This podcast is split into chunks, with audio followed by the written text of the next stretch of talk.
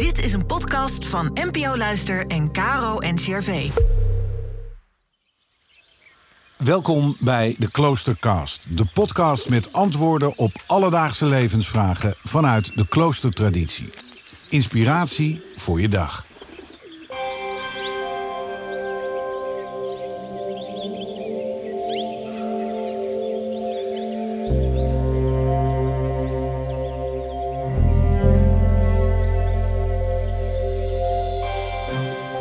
Hoe ga je om met andersdenkenden? Broeder Gerard Matthijssen, Benedictijner monnik en voormalig abt van de Sint-Adelbert-abdij in Egmond, vindt een antwoord in het leven van Benedictus, de vader van het kloosterleven.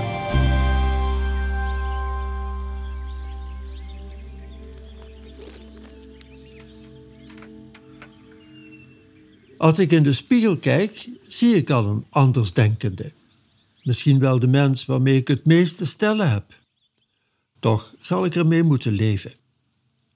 Natuurlijk komt het heel dikwijls voor dat je met iemand in gesprek bent en tot de conclusie komt: we zijn het helemaal eens. Wat dat betreft denken we er hetzelfde over. Maar over heel veel dingen zul je het ook met je liefste huisgenoten en beste vrienden niet eens zijn. Je zult er anders over denken, een andere smaak hebben, een andere overtuiging. Het kan gaan over futiele dingen. Is de soep te heet of te koud? Zijn de groenten smakelijk? Is het mooi weer? En je kunt van mening verschillen over fundamentele zaken. In de politiek, in de kunst, in de levensovertuiging.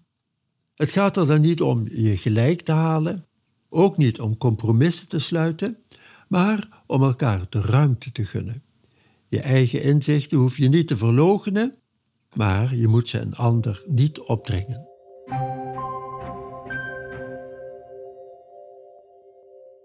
Het aantal katholieken wereldwijd groeit naar anderhalf miljard. We mogen aannemen dat daarbinnen een grote variëteit van overtuigingen is. Ook in de monastieke communiteit staat ieder op eigen wijze in het leven, denkt vanuit eigen achtergrond en heeft de invloed ondergaan van eigen milieu, geschiedenis, aanleg. Het charisma van onze vader Benedictus is dat hij een kader heeft ontwikkeld waarbinnen die verschillende personen samen een gemeenschap vormen, waarin ieder de ander respecteert, dient en bemint. De Pax Benedictina, de Benedictijnse vrede, betekent zeker niet dat alle hetzelfde zouden moeten denken. Het is een gezindheid waarin voor ieder ruimte is. Wat ons bindt, is het evangelie van Jezus Christus. Paus Gregorius de Grote, die in de 6e eeuw het leven van Benedictus beschreef, zegt dat Benedictus als man Gods niet anders leefde dan hij leerde. En in zijn levensverhaal vinden we een voorbeeld van de ander verdragen en de eigen ruimte beschermen. Van respectvol afstand nemen. Zo kwam het tot een confrontatie met monniken die niet met zijn visie konden leven.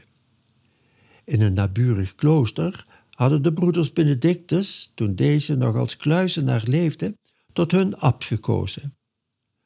Toen bleek dat hun levenswijze totaal niet overeenstemde en ze zelfs een poging deden hem te vergiftigen, sprak hij hen toe met vredig gelaat en kalm gemoed en nam afscheid van hen met de woorden: Had ik u van tevoren niet gezegd dat u en mijn levenswijze veel te veel van elkaar verschillen?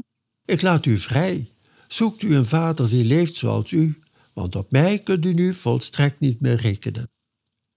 En Gregorius vervolgt, daarna keerde hij in zijn geliefde eenzaamheid terug en leefde alleen met zichzelf onder de alziende ogen van God. Voor Benedictus is er dus ruimte, ook voor zijn tegenstanders.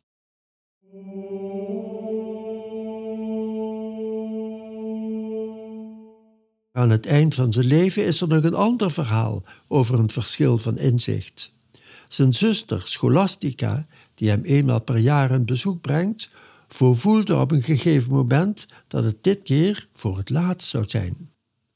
Ze vraagt hem daarom hun ontmoeting wat langer voor te zetten.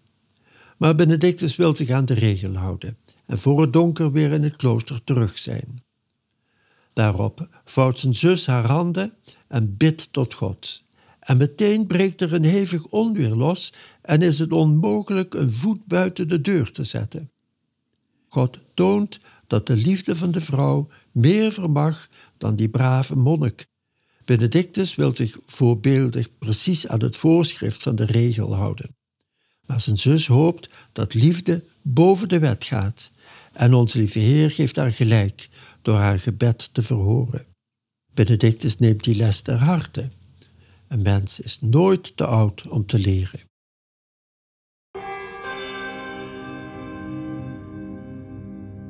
Ook al zijn wij niet zo heilig als Benedictus en Scholastica, we mogen toch samen bidden. Goede God, gij toont de rijkdom en de wijsheid en de veelkleurigheid van uw schepping. Wij danken u dat u ons mensen zo verschillend hebt gemaakt. Geef dat we elkaar niet benijden en bestrijden, maar eendrachtig zijn in het zoeken naar uw wil en u dienen door elkaar te eerbiedigen. Dat vragen wij u door uw Zoon, die voor ons alles zijn leven gegeven heeft, Jezus Christus, onze Heer. Amen. In een nieuwe aflevering van de Kloosterkast staat Sister Sjenserleek Maria van Mierlo stil bij de Vlaamse documentaire God Vergeten over seksueel misbruik van kinderen door religieuzen.